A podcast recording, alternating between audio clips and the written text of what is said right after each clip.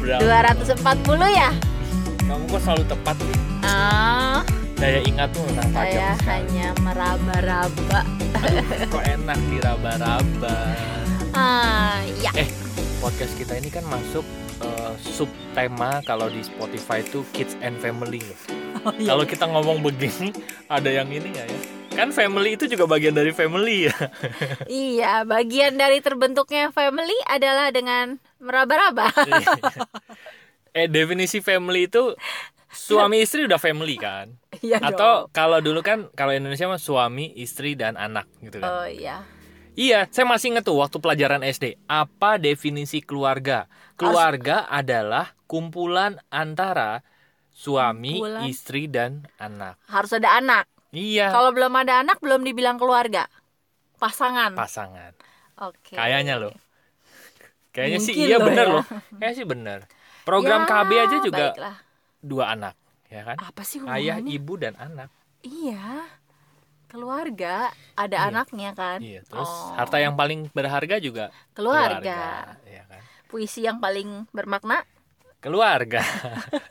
Mutiara tiada tara. Yang paling bermakna Mutiara tiada tara. adalah keluarga. Selamat Wis, pagi, Emak. Selamat pagi. Abah. Nah, kuis untuk episode 240 ini. Iya. Apa? Syair apakah ini? Saya sudah menghabiskan dua menit tidak berarti ya. Oh, kalau bisa 20 menit begini.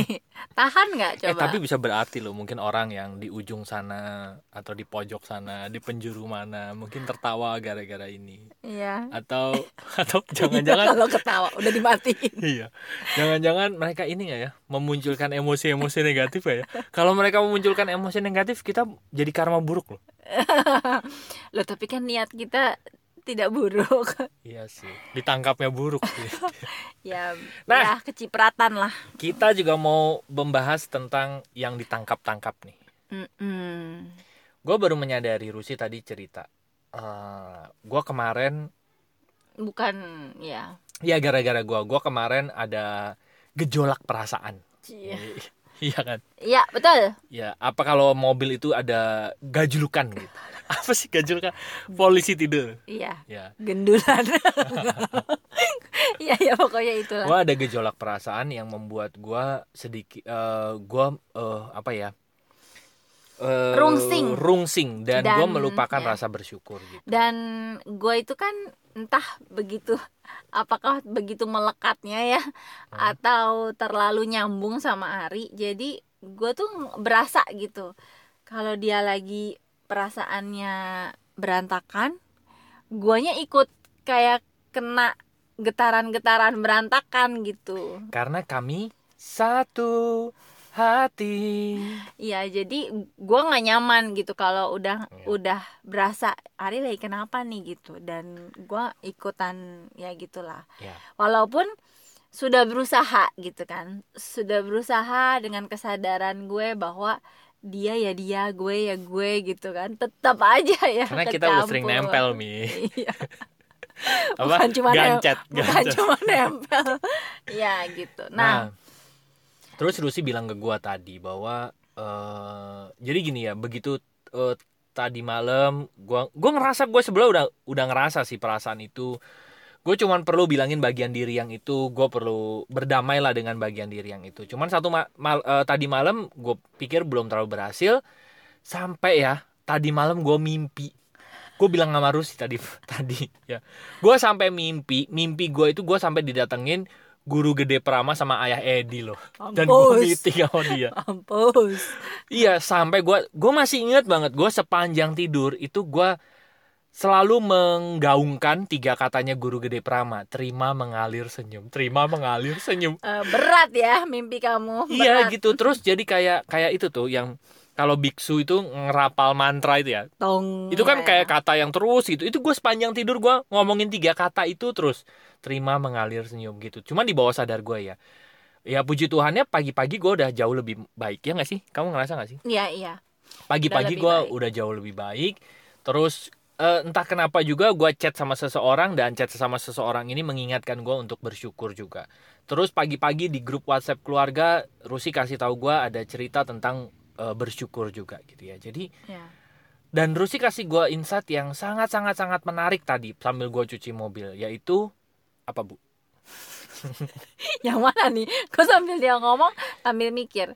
Gini Ya, gue kan eh, jadi gini. Gue itu ngerasa salah satu yang paling berperan dalam eh, bangkitnya gue sama Ari keadaan jadi lebih enak segala macam itulah eh, itu adalah rasa syukur. Bersyukur, rasa bersyukur. Bukan syukur. Bukan Ya, bersyukur. apalagi ya. sate sate sate pak syukur kan ada Di mana? Ada. Kok saya nggak tahu? nanti saya kasih tahu di deket rel itu loh di Cilegon. oh iya kayaknya Oh ya? coba nanti kamu lihat Oh. kayaknya bener deh namanya ya itu bersyukur Oke. jadi eh, pada saat apa eh, keadaan mulai enak gitu ya dan pokoknya semuanya mulai terang lah gitu Hmm. itu gue betul-betul ngerasa gitu gue betul-betul meresapi apa sih rasa gue saat ini kok bisa keadaan mulai membaik dan jawaban waktu itu adalah ya karena kamu udah mulai fasih ya. gitu udah Iya, mulai iya. fasih bersyukur gitu Sudah Dan- semakin dominan di hari demi hari gitu ya Mm-mm. perasaan itu ya. Oke oke. dan itu rasanya enak banget gitu dan sepanjang perjalanan beberapa waktu terakhir nah Hmm. akhirnya kemarin waktu perasaannya Ari berantakan itu dan Hmm. gue kena gue jadi kayak kesenggol gitu Hmm. wah kok tiba-tiba gue kehilangan rasa syukur gue ya gitu Hmm. yang selama beberapa waktu terakhir itu ada gitu ya, jadi kayak gitu ya. Oke. eh, sem apa kemarin itu yang mendominasi mulai kayak zaman dulu lagi perasaan takut Khawatir. khawatir Ya kemerungsung itulah. iya Iya. takut Betul. ngambil keputusan yang salah gitu-gitu dan Benar. itu bikinnya bikin perasaan jadi nggak enak gitu nah gue bilang sama Ari bahwa inget loh yang bikin dia kemerungsung itu itu sebenarnya sesuatu yang udah perlu kita syukuri gitu Betul.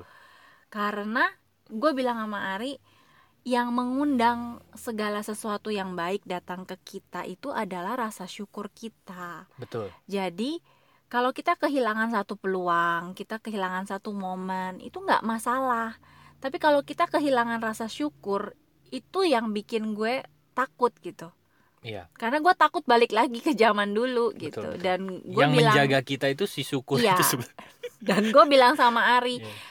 Itu hilang nggak apa-apa selama kita masih bisa akses rasa syukur Betul, kita betul. akan menarik banyak berkat untuk datang lagi sama kita Benar, gitu benar. tapi kalau gara-gara kita kehilangan satu terus rasa syukurnya hilang sama sekali Iya. ya boro-boro narik lagi gitu gue takutnya kita malah akan jatuh lagi gitu jadi gue cuma kemarin tuh gue cuma ingetin Ari Tentang hal itu. iya tentang hal itu bahwa supaya dia inget rasanya bersyukur itu Betul. balik lagi gitu Soalnya gini ya, perasaan syukur itu sangat mudah untuk luntur iya atau sangat mudah kita intervensi sendiri gitu. betul Tadi Rusi kasih contoh gua bagus juga. Misalnya gini ya, misalnya kita lagi, Lagi liburan keluarga nih, jalan-jalan, jalan-jalan, ya. udah enak segala macem gitu ya. Tiba-tiba ada satu kejadian, entah nyasar, entah apa gitu. Terus akhirnya suasana jadi berubah. Betul. Yang tadinya ketawa-ketawa, happy-happy gitu ya. Karena satu kejadian sepele, perasaan syukur itu langsung terintervensi gitu, langsung luntur gitu. Dan yang dan menurut gue gitu ya, yang mencuri perasaan syukur itu adalah kita sendiri gitu. betul karena perasaan syukur itu kan sebenarnya tergantung gimana kita merespon dan bereaksi terhadap Bener. kejadian kan Betul. dan sebenarnya respon dan eh, reaksi itu itu kan ada di kendali kita Iya, sebenarnya kalau kita cukup punya kesadaran untuk menentukan gue mau respon apa nih gue mau reaksi apa terhadap satu kejadian itu kan yang bisa ngejaga perasaan kita gitu betul. Cuma Dan kalau yang baik-baik kita- tetap datang Iya. gitu kan, ya. Cuma kalau kitanya udah eh kita dia tidak cukup sadar dan akhirnya kebawa merespon bereaksi dengan eh, yang negatif itu tuh cepet banget. Ya itu rasa syukur itu tuh gampang banget menguap. Mungkin seperti hidrogen aktif. Bener-bener. Betul itu. Mungkin kalau hidrogen itu eh, apa namanya molekulnya satu, mungkin syukur ini 0,001 satoshi nih kalau Bitcoin ini. Lo tahu ya kalau Bitcoin itu ada sampai 8 digit di belakang koma. Nah ini tuh satu satoshi itu bener-bener digit paling akhir tuh digit ke ya itu. Jadi eh sering kali itu sering kali yang merusak kebahagiaan bikin kita nggak mood dan bikin segala sesuatunya jadi tambah ruwet itu ternyata respon dan reaksi kita sendiri Betul. gitu Nah gara-gara rumus ini ya, gue sampai tadi gue bilang sama Rusi, ternyata ya kalau dulu di seminar motivasi sel- selalu eh, sering dibilangin bahwa awas impian anda tercuri oleh orang-orang yang anda cintai katanya. Kalau orang-orang anda cintai nggak mendukung atau lingkungan ngasih input, impian itu jadi tercuri gitu. Iya. Kesannya pencuri itu pihak Dari luar luar. dan kita nggak punya kendali sama sekali gitu ya Betul. kalau ya kita punya kendali sih untuk mempertahankan impian itu gitu ya. Ya. Cuman gue pikir-pikir lagi sekarang, ternyata gara-gara rumusnya si yang Rusi kasih ke gue ini ya, ternyata pencuri impian itu kita sendiri loh. pencuri impian paling kuat Paling justru kuat ya. adalah diri kita sendiri gitu. Orang lain boleh ngomongin kita apa pun, tapi selama kita masih berespon untuk memegang rasa bersyukur itu gitu ya. Kita masih merespon untuk tetap dalam state bersyukur itu, impian itu tetap akan mendekat gitu. ya Jadi- gue yang menarik adalah menurut gue adalah gila ya eh, yang maha kuasa ini udah kasih kita semuanya itu ada di tangan kita loh. Selama kita masih bisa mengakses perasaan itu yang kita inginkan itu akan terus hadir dalam kehidupan kita. Memang. Kamu kaget nggak? Pas ada saya langsung bulu ketek lebih panjang daripada bulu nggak usah Gitu nggak usah kamu. Saya aja kaget saya ngomong gitu. Kok kok bisa ngomong gitu ya? Nah memang begini. Memang bahwa kalau apakah kalau misalnya kita setiap hari bersyukur gitu terus semua impian kita datang dalam waktu yang singkat? Jawabannya enggak juga. Tapi kita kan tetap harus apa ya tetap harus melalui prosesnya lah gitu ya.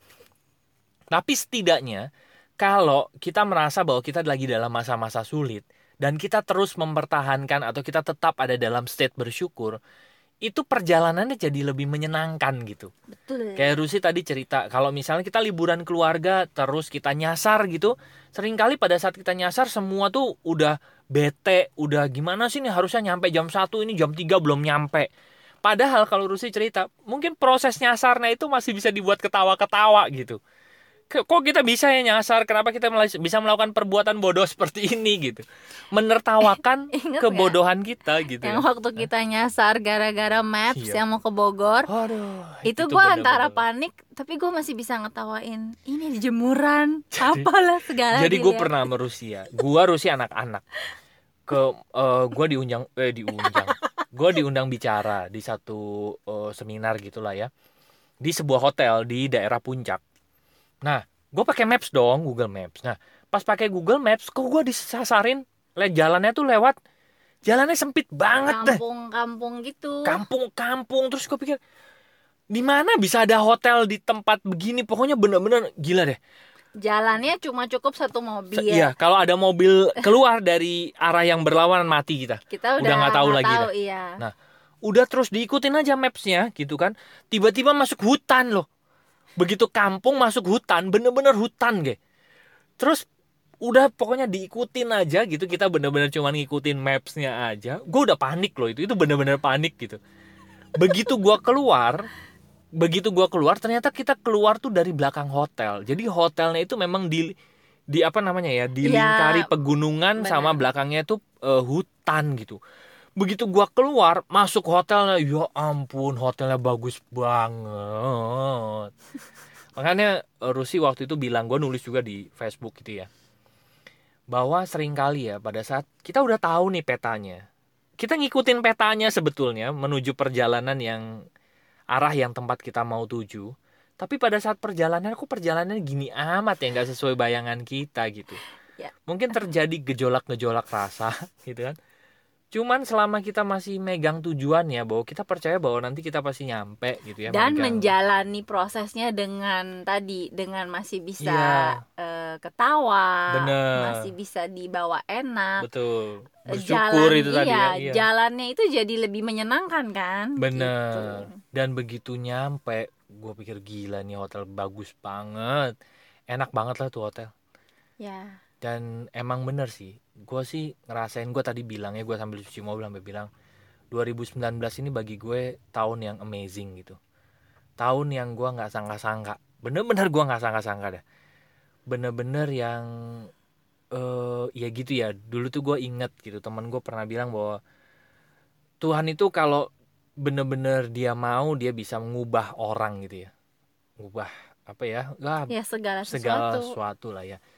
Tapi Tuhan juga tidak merubah kan kalau teman-teman yang Muslim itu Tu- Tuhan tidak mengubah nasib suatu kaum kalau kaumnya nggak mau berubah.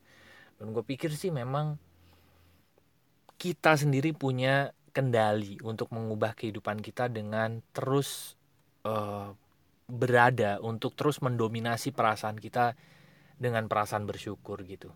dan kadang-kadang ya kita itu lupa bahwa eh, peluang itu datang justru karena kita yang dat kita yang narik Benar-benar. bukan peluang itu tampak Tampak jelas pada saat peluang itu hilang saya juga. Enggak, Oke. peluang itu datang karena kita yang menarik Hmm. Kenapa? Kalau diperhatiin pasti karena itu tadi, karena kita mulai mendominasi diri dan rasa kita dengan eh, perasaan-perasaan syukur, sukacita gitu ya, Hmm. eh, cinta. Nah, Hmm. cuma kadang-kadang begitu peluangnya itu datang, kita kerjain peluangnya, ada yang sedikit nggak beres aja sama peluangnya, kita jadi lupa dan gimana ya? Iya, Kita jadi takut bahwa peluang itu akan hilang, hilang gitu. gitu, betul. Seolah-olah Kita bergantung tuh di iya. peluang itu gitu kan ya. Padahal kebalik, justru peluang itu datang karena kita, yang Kita. narik kok Betul. gitu. Jadi ya itu eh, state-nya rasanya itu diinget-inget gitu. Dan itu yang terus di apa ya, makin di ya makin diperbesar gitu setiap hari. Iya, betul Gitu. betul. Ini sama kayak kemarin gua bilang bahwa eh, sukses itu ketika 2P nyambung. Ini ngomongin yang persiapan P yang keduanya sebetulnya. Tapi nanti di podcast berikutnya aja lah kita bahas yang itu. Oke. nggak sekarang gitu ya tapi iya sih gua hari kemarin hari ini gua diingetin untuk padahal dulu ya waktu gua ikut seminarnya Pak Aris ini udah diingetin loh Ya. diingetin untuk terus menjaga state itu ya perasaan Iya. bersyukur itu ada di sana gitu Ya, ini- memang memang lagi Kenapa kalau tiap kamu memang saya langsung nyambung ke bulu ya? memang begini sih eh, gua harus akui gua belum fasih kan kalau udah fasih itu harusnya otomatis kan otomatis Iya. terus ada di perasaan itu gua masih oh ya gua harus aware oh ya gua lagi eh, perasaannya lagi eh, Iya. kemerungsung gitu ya tapi ya Tapi itu aja menurut gue ya bagian dari perjalanan untuk nanti Iya. sampai ke fasih kan. benar-benar Nggak ada orang yang tiba-tiba langsung jreng fasih gitu. Ya itu memang prosesnya. dan terima kasih ya sudah mengingatkan Ah ya, besok saya kasih kado sama-sama. ingat besok kado ya apa sih Eh, saya yang dikasih apa saya yang ngasih ya? oh kan kita saling memberi dong Mutualisme. Baiklah. Iya. apa simbiosis mutualisme. Iya deh, eh, bahwa Ya, gue gitu. pribadi disadari bahwa ternyata pencuri impian itu bukan orang lain. Ternyata Tapi- pencuri impian itu adalah diri kita sendiri. Iya. Tapi kita juga punya kendali untuk tetap menjaga impian kita. Karena Ya. semua kendalinya ada di tangan kita kalau kita terus bisa membawa diri kita didominasi oleh perasaan-perasaan bersyukur gitu. Ya. Setuju. Oke deh. Jadi mungkin ini juga bisa jadi penguat. Biasanya akhir tahun mau ada resolusi juga. Tahun Ya. depan gimana ya supaya semuanya lebih baik. Nah, mungkin bisa dimulai dengan ya ini salah satu resolusinya. Oh iya ya, setiap hari eh, akses rasa bersyukurnya Bersyukur, lebih betul, betul. lagi gitu. Betul.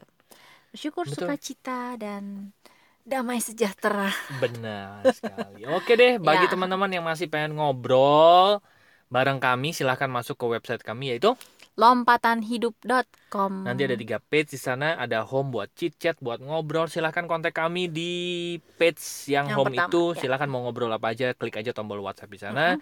Yang kedua ada konseling dan event. Itu Ya. adalah layanan jasa profesional kami bagi teman-teman yang mau melakukan sesi terapi, konsultasi, sesi konsultasi, konseling, konseling, dan dan itu tatap muka ya dan Ya. mengundang kami untuk bicara di event silahkan klik yang di sana di yang page ketiga ada bisnis bagi teman-teman yang ingin mendapatkan rekomendasi bisnis dari kami gitu mungkin teman-teman nanya kalian bisnis apa sih mau dong bareng-bareng Ya. bisnisnya oke silahkan klik aja page yang bisnis nanti teman-teman di sana akan mendapatkan penjelasan tentang financial tipping point tentang passive income itu nyata dan nanti Betul. ada program mentoring juga Ya. silahkan klik aja masuk di page oke Oke. Terima kasih sudah mendengarkan episode. 240. Semoga bermanfaat dan sampai jumpa di episode berikutnya.